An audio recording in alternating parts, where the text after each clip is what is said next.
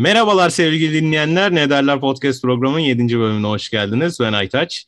Ben Berke. Bugün çok sevdiğimiz bir arkadaşımızı aramıza konuk almaya karar verdik. Uzun zamandır zaten bu konu müzakerelerini yürütüyorduk.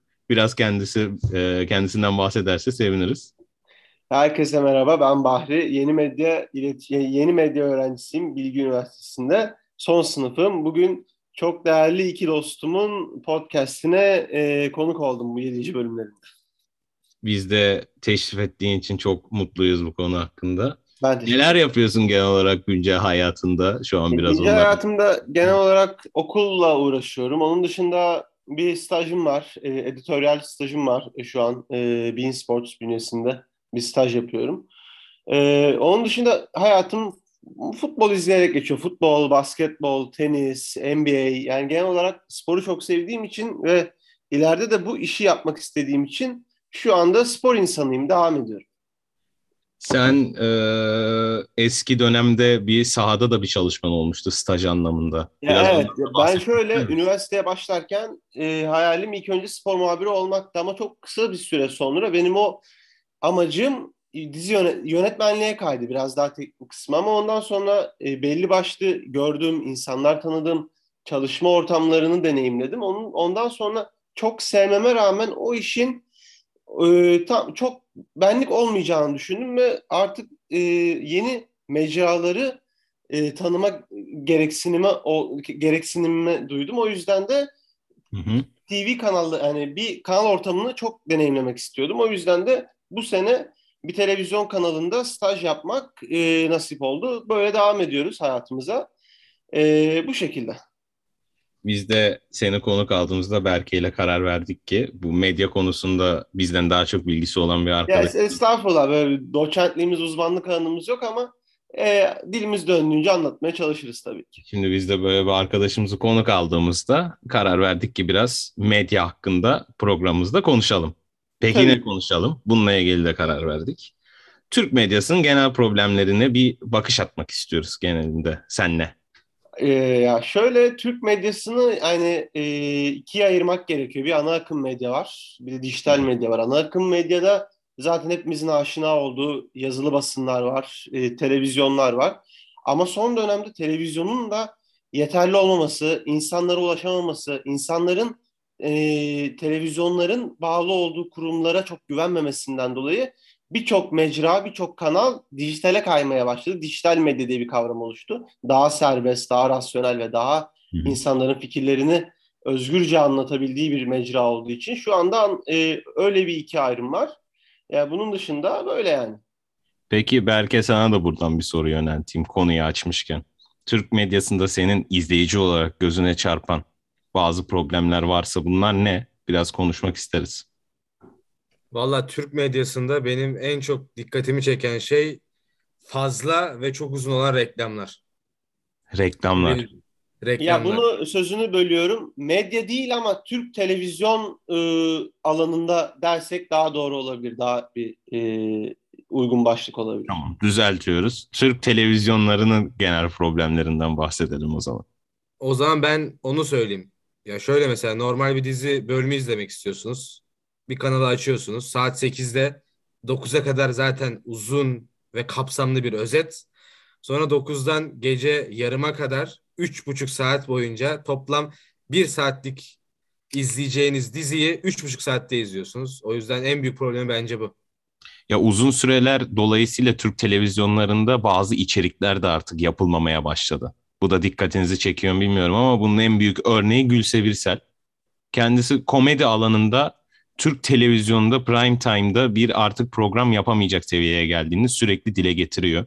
Oyunculardan da böyle zaten e, açıklamalar, deklarasyonlar duyuyoruz. E, yani mesela bir komedi dizisinin fikrimce e, iki buçuk saat ya da bir buçuk saat boyunca olması pek mantıklı değil her hafta. Yani zaten komedi çok zor üretilen e, emek isteyen diğer bütün yapımlar gibi ama komedide bir buçuk saat boyunca aynı içerik üzerinden bunu hazırlamak çok zor oluyor fikrimce. Tekrardan siz ne düşünüyorsunuz bu konuda bilmiyorum.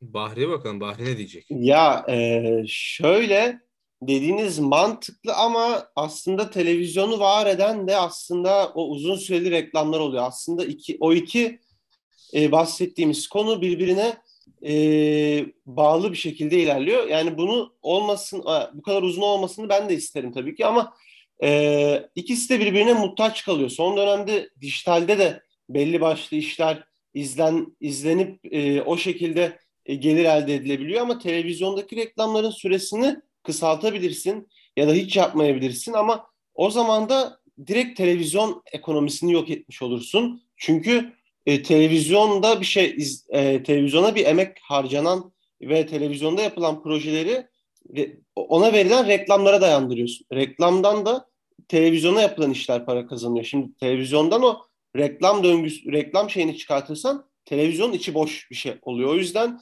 yani o ikisindeki denge e, değiştirmek gerekiyorsa da komple bir kökten bir değişim olması gerekir. Onun da şu dönemde çok zor olduğunu düşünüyorum. Anladım. Teşekkür ederiz açıklaman için.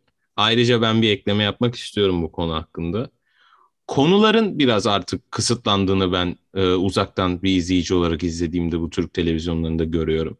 Yani aşk temalı, ihanet temalı ya da töre temalı e, dizilere yöneliyor daha çok yapımcılar. Ve bu bir tek düzelik oluşturuyor piyasada. Aslında daha e, zengin içerikli e, yapımlar bizim kültürümüzden çıkabilir. Zaten bunun deme, denemeleri yapılıyor ama online platformlarda. Şimdi ona da geleceğim. Ama bu tek düzelik konusunda da bir fikrinizi almak isterim ikinizin. Önce Bahriye. Ya e, televiz tek düzelik konusunda şöyle ya artık öyle bir kitlemiz var ki ülkemizde. Yani ne yapsan önüne ne koysan ben bunu yiyeyim, ben bunu izleyeyim. Yani a, aşk, intikam, namus, töre, gö, gö, e, genelde o hepimizin aşina olduğu konak, köy, silah, işte namus davası falan bunları evet. sürekli yedir yani sürekli yediriyorsun baba yani ben bir dizi bir dizi çekeyim ne olsun işte düşün düşün düşün. Namus töre birinci bölümde çeksin silahla vursun onun dava falan. Sonra pat böyle olmuş falan. Ülkecek de bu tarz dramalara çok meraklı olduğumuz için yani bu düzen bu insanlardan dolayı bu düzen değiştiremezsin abi. Çünkü çok seviyoruz. Yani e, insanlar aslında kendi e, kendi yaşantılarındaki mutsuzluğu, depresifliği bir de televizyonda görünce zaten onun da karşısından da kalkmıyorlar. Bu tarz şeyleri e, öyle programlarında da görebiliyoruz. Yani o canlı o programlarda da göre sürekli bir dram, sürekli bir aşk, sürekli bir böyle bir hayattan bezmişlik, toksiklik falan. Zaten bu tarz şeyleri de insan olarak çok sevdiğimiz için ne koysan önüne yiyor. Yani sürekli bundan ek, yani bir süre sonra yapımcılar farklı işleri de denemeye başladılar. Yani mesela 3 sene önce ya da 4 sene önce Show TV'de Çarpışma dizisi vardı. Konusu çok özgü, yani çok e, farklı bir işti. Aytaç'la da çok severek izliyorduk ama evet. maalesef e, tutmadı. Çünkü insanlar o kadar o e, basitliğe, o aynı konuya alışmış ki farklı bir şey insanlara şey geliyordu. Bu ne falan oluyorlardı yani. E, kabul edemiyorlardı farklı bir şeyi. Bu içerik yani, konusuna ben birazdan geleceğim. Ya, o yüzden e, o konu hakkında benim görüşlerim böyle yani. Ee, yani bu... son bir şey eklemek istiyorum. Bunun aynısı son dönemde Kore dizileriyle de alakalı. Şöyle, yani Türk e, senarist yani e, senarist ya da bir uzman olmadığım için sadece bir e, bu alanda çalıştığım için bir görüşüm var. Artık yani ne kadar çok yani kendi e, bir yapım üretiyoruz mesela bir senaristler bir e, Türk bir şey üretiyor, özgün bir hikaye üretiyor. Bir de Kore'den bir şey alıyorlar. Yapımcılar direkt şeyi seçiyorlar. Güven sana şans vermeden direkt tutmuş bir şeyi biz A'sını, B'sini, C'sini değiştirelim, karakter isimlerini değiştirelim. Pat öyle çekelim. Biz bunu servis edelim. E bu da ne oluyor? İnsanların üretme arzusu, üretme şevkini engelliyor. Sürekli bir biz dışarıdan alalım. Zaten tutmuş bir şey var. Biz bunu devam ettirelim oluyor. E bu yüzden de böyle bir affedersiniz iğrenç bir sistem oluyor yani. Yani Doğru. aslında ben de bir şey eklemek istiyorum. Ee, şöyle bu aslında sadece dizi sektöründe değil birazcık da hani herkes için genelleme yapmak için doğru olmaz tabii de YouTube'da da birazcık böyle.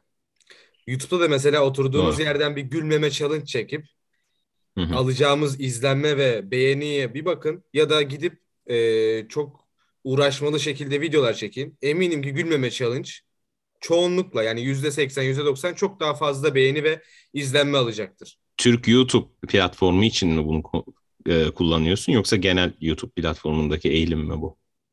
Ve genel YouTube platformunda hani tabii ki de işte Mr. Beast tarzı, David Dobrik tarzı bunlar farklı insanlar ama genel hani e, %70, %80'lik bir dilime vurdun mu bu çoğunlukla geçerli olan bir şey. Doğru. Bahri'nin de bahsettiği bir şey var. Bence ana problemlerden biri de bu içerik konusunda. Ee, tutan bir içeriği değiştirip değiştirip ısıtıp ısıtıp önümüze getiriyorlar. Mesela e, Ezel, Kurtlar Vadisi. Bunlar mafyatik ya da intikam, aşk. Özellikle Ezel'den konuşuyorum. E, tutmuş ve Türk dizi tarihine altın harflerle kendini yazdırmış diziler. Ezel de öyleydi. Şimdi buradaki temaları alıp teker teker bu temalar üzerinde mesela üç tane dizi çekiyorlar. Ya biz bunları yedik. Bir kere yedik. Hadi iki kere yedik. E baba üçüncüde de bunu yapmayın he ya abi yani. E, doğru. Doğru. Ama yeniyor. Doğru yeniyor. Yeniyor. Yeniyor. Olur olur yeriz. O zaman yavaştan ben bu medya konusunu kapıyorum. Medya değil özür dilerim Türk televizyonunu. Evet. Ayrı bir konuya gelelim. Bahri'nin ayrı bir özelliği. Formula 1'de kendisi çok ciddi bir Hamilton destekçisi. Ya, Hamilton değil. Sir Lewis Hamilton. Sir Lewis Hamilton. Onu da düzeltelim. Olur olur. Ee, aynen. Ya şöyle. E, ben bir Hamilton... kesiyorum seni. Soruya geleyim. Gel. Berke'ye de yöneltiyorum sorumu tabii ki. Bu sene ne oldu? Hamilton'a ne oldu? Ya bu sene e, hak yendi. E, kural tanınmadı. Ee, Yapmayalım yani, lütfen. Bu kadar radikal ifadeler kullanmayalım. Biz çok politik bir programız bu konuda. Öyle yok. Ee, yani şöyle burada tavır koymak gerekiyor baştan. Yani bir kural varsa sen bu şeye giriyor yani son yarış, son herkes izliyor dünyada kaç milyon kişi izliyor. Biz bu şekilde bitirmeyelim. Yani bu böyle olmaz. Kurala bağlı kalırsak demode çok sıkıcı bir şekilde bitecek. O zaman kural niye var kardeşim? O kuralı niye yazdınız oraya? Tamam aksiyonu hepimiz severiz ama yani aksiyonu severiz. Bu şekilde bitmesini isteriz ama yani böyle bitmeyince de bir taraf tamamen bir mağduriyette uğruyor yani. Ben ortada bir kural olmasın. O kural olmadan yani o kural bilmiyorum siz daha iyi biliyorsunuz. Ben şu an çok iyi açıklayamıyorum de, e, detayların tüzüklerini bilmediğim için ama evet. o okudum yani ör, baktığımda o kurala Hamilton bir mağduriyete yaşamış sonuçta yani belli başlı bir sistemin öyle devam etmesi gerekiyor ve yarış öyle devam ederken zaten tur sayısının az olmasından dolayı Hamilton şampiyonluğa ulaşacaktı ama ne oldu? Eyyamlar, iş bilmemezlikler derken ee, biz güzelim, kendimizi bu açıklamalardan tenzih ediyoruz. Onun da bir güzelim, açıklamasını da yapalım da. dünya barışını savunan, bir numaralı rol model olan, bana göre dünyada şu an 3-4 tane e, sporcu varsa vizyonu, dünya görüşü ve dünyayı değiştirme, insanlığı değiştirme açısından çok önemli. Örnek karakter olarak diyelim yani. Bir olan e, Lewis Hamilton gibi bir baş yapıt bir soru böyle mağdur ettiler böyle kepazlı bir organizasyonda. O zaman ben hemen bir toparlıyorum. Berke'ye bu radikal açıklamaların üstüne bir yorum sormayacağım. Şöyle düzeltelim. Yarıştan sonra Hamilton'ın sergilediği tavırla ilgili sana bir soru yönelteyim belki. Biz birlikte izledik yarış sevgili dinleyenler. Ee, sonra biz Verstappen'i biraz daha destekledik. Daha büyük bir hikaye olduğu için. Yoksa belli bir e, fanatizmimiz vesaire yok. Ama Hamilton'ın sergilediği e, yarış sonrası böyle bir yanlış uygulanan kuraldan sonra kaybettiği şampiyonluk ile ilgili e, sergilemiş olduğu tavır bizim çok hoşumuza gitti. Berke'nin bununla ilgili yorumlarını biraz merak ediyorum. Ya ben bir de ufacık hani genel sezon hakkında konuşacağım. Yani zaten Hı. hakem ağlamalarını falan Bahri arkadaşım her şeyi güzelce anlattı. Evet. Ya ge- no Mikey no. Yani bütün sezona baktığımızda bu arada yani iki, iki yarışmacı da iki sürücü de yarışmacı demeyeyim de iki sürücü de efsane bir performanslar sergiledi.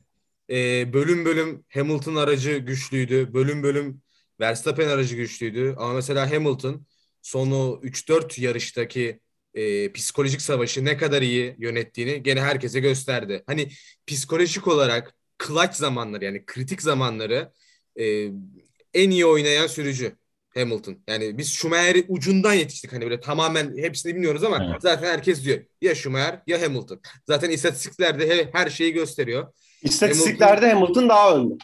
Hamilton tabii istatistiklerde daha önde. Ama yani çoğu insana sorsanız efsanesi kim dese hani genel oylama yapılsa Schumacher çıkar büyük ihtimalle. Daha duygusal bağ var insanların Schumacher'e karşı. Böyle Ama bir genelleme var gerçekten.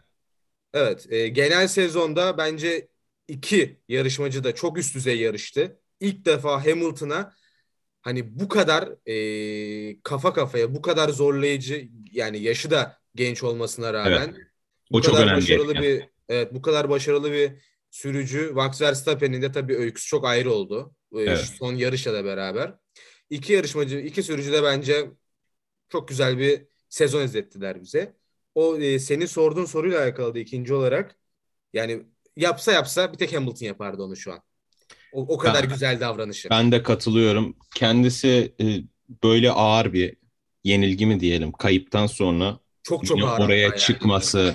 Yenilgi demeyelim de e, mağdur Hayır. şey diyelim. Mağdur edildi diyelim. Ama sonuçta yenilgi ama yani. Ben bir sonuç şey üzerinden konuştuğumu tekrardan belirteyim o zaman kamuoyuna.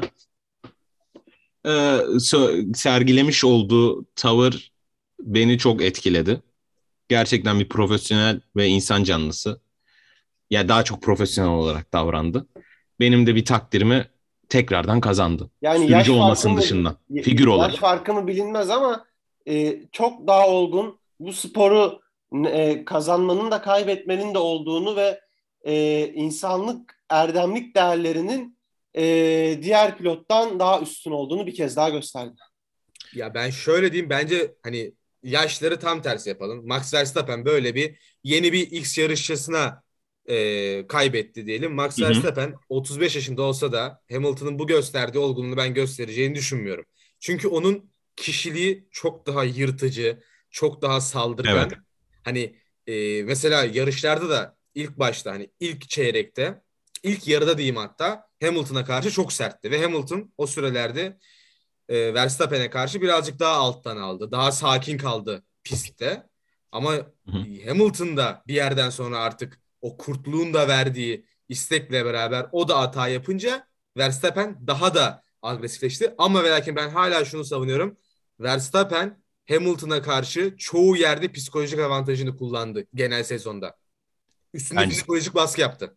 Bahri ne düşünüyor bilmiyorum ama son yarışta da psikolojik avantaj bence çok yüksek bir şekilde Hamilton'daydı. Şöyle Evet, e, yani son yarış değil o yavaş yavaş e, yarışın e, takvimin son 3-4 yarışından e, Brezilya'dan beri Hamilton'ın yavaş yavaş tekrardan e, hız bakımından da domine etmesiyle psikolojik üstünlük direktman Hamilton'daydı ve yani e, 8'de kapanır 18'de kapanırdı kapanıyordu da yani kapanmıştı da 2 tur 3 tur kala kapanmıştı ama ne yazık ki e, Türkiye'de federasyon burada Michael Massi e, el attılar. Kara el girdi oyunun içine. Yani şöyle bir şey de ekleyeceğim ama yani bu konuda son 3-4 yarış hatta 5 yarışı alırsak kesinlikle Hamilton üstünde ama yani Verstappen'in de böyle bir şampiyonluğunun sadece hakemlere bağlanıp bir çöpe atılmasını da ben hiç e, doğru bulmuyorum. İnanılmaz bir sürü sürüş Abi o gösterdi. zaman yarışta önüne geçseydi, Hamilton'ı geçseydi yarışta. Ama işte bu Geçti. ya olsaydı ya olsaydı diye bir şey yok ki. E Şimdi. Verstappen evine git kupa orada duruyor. Sana da Bir göstereyim. dakika. O- o- o- onun dışında da Verstappen yarışta Hamilton'ın önüne geçti ve yarış zaten birinci olarak bitirdi. Yarışta önüne geçti. Yani her Nasıl şey geçti yana- şüpheli. Nasıl geçti? Çok güzel. Bakın bunu hakem kararı olarak değerlendirmemek lazım. Bir seyirci gözüyle bakarsak hepimiz rahat ederiz bu partizanlık dışında. Bahri'nin şaka olarak yaptığını biliyoruz hepimiz bu arada. Bu laflarına bakmayın. Hani kendisi de çok dolu ve gerçekten sportmen bir izleyicidir spor Teşekkür ederim. konusunda. Teşekkür Hani şu an şakasındayız biz işin. Biraz daha biraz daha- bu dönemde. Şeyindeyiz işin aynen. Ee, ya bize çok güzel bir sezon izlettiler. Son 5 Kesinlikle. yarışta Hamilton'ın yükselmesi, Verstappen'in sezona çok iyi başlaması. Son bir hakem kararı da bunu işin çileği oldu bence. O bile yanlış olsa da doğru olsa da bir keyif kattı bize. O son e, turu hepimiz ayakta izledik. Bunu herkes kabul ediyor. Kim kazanırsa kazansın. Bizim o heyecanı yaşamış, yaşamış olmamız izleyici olarak ve spor tarihi olarak bence en önemli şeydi Formula 1 sezonunda. Doğru. Son bir şey de eklersem bu arada hangi taraf kazansaydı hani burada Mercedes kazansaydı bütün Red Bull'ları alacaktı. Evet. Red Bull kazansaydı Mercedes yani her her türlü bir taraf ağlayacaktı. Değişik epik bir sezon oldu. Güzel bir sezondu. Bir daha zor. Bir daha çok zor. Evet, Artık e, yeni arabalarla buradan da Akal Aras'a bir selam yollayalım. Yeni arabalarla ilgili ne olacak Ferrari'nin çok yükseleceği konuşuluyor. Hamilton'ın güncel durumu ile ilgili de bir şeyler söylemek lazım aslında. Ben bir e, birkaç şey ekleyeyim. Hala e, emekli mi olacağı yoksa Mercedes'te mi ya da başka biriyle mi devam edeceği hala meçhul. Bakalım ne yapacak ama aramız yani Formula 1 sahasında pistlerde görmek isteriz kendisini her zaman. Bence Less Dance'ı var bir tane. Ben de katılıyorum.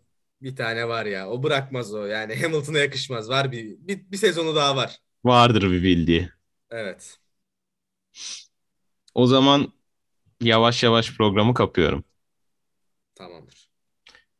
Ee, Bahricim tekrardan katıldığın için çok teşekkür ederiz programa. Ben teşekkür ederim. Biraz kısa oldu ama darısı diğer programlara inşallah. İnşallah. İnşallah. Ee, tekrardan bu engin bilgilerinle bizi aydınlattığın için teşekkür ederiz. Ee, bu marjinal açıklamaların şaka olduğunu tekrardan ben bir e, hatırlatayım. Ya ülkede o kadar çok şey oluyor ki dinleyiciler de lütfen bunları ciddiye almasın. Şaka da yapamıyoruz. Biraz daha ülkemizde olan burada açıklama yapmak istemiyorum, üşümek istemiyorum bazı yerlerde ama daha e, daha ciddi şeylere kafa yorun lütfen arkadaşlar. Bu bir spor. Yani spor çok değerlidir ama hiç önemli değildir. O Kaan Kural abimize selamlar mı birazcık? Evet, evet. evet. Eyvallah. Eyvallah. Teşekkür ederiz. O zaman tekrardan biz dinlediğiniz için teşekkür ederiz sevgili dinleyenler. Ne derler podcast programının 7. bölümü sonlanmıştır. Kendinize iyi bakın. İyi bakın.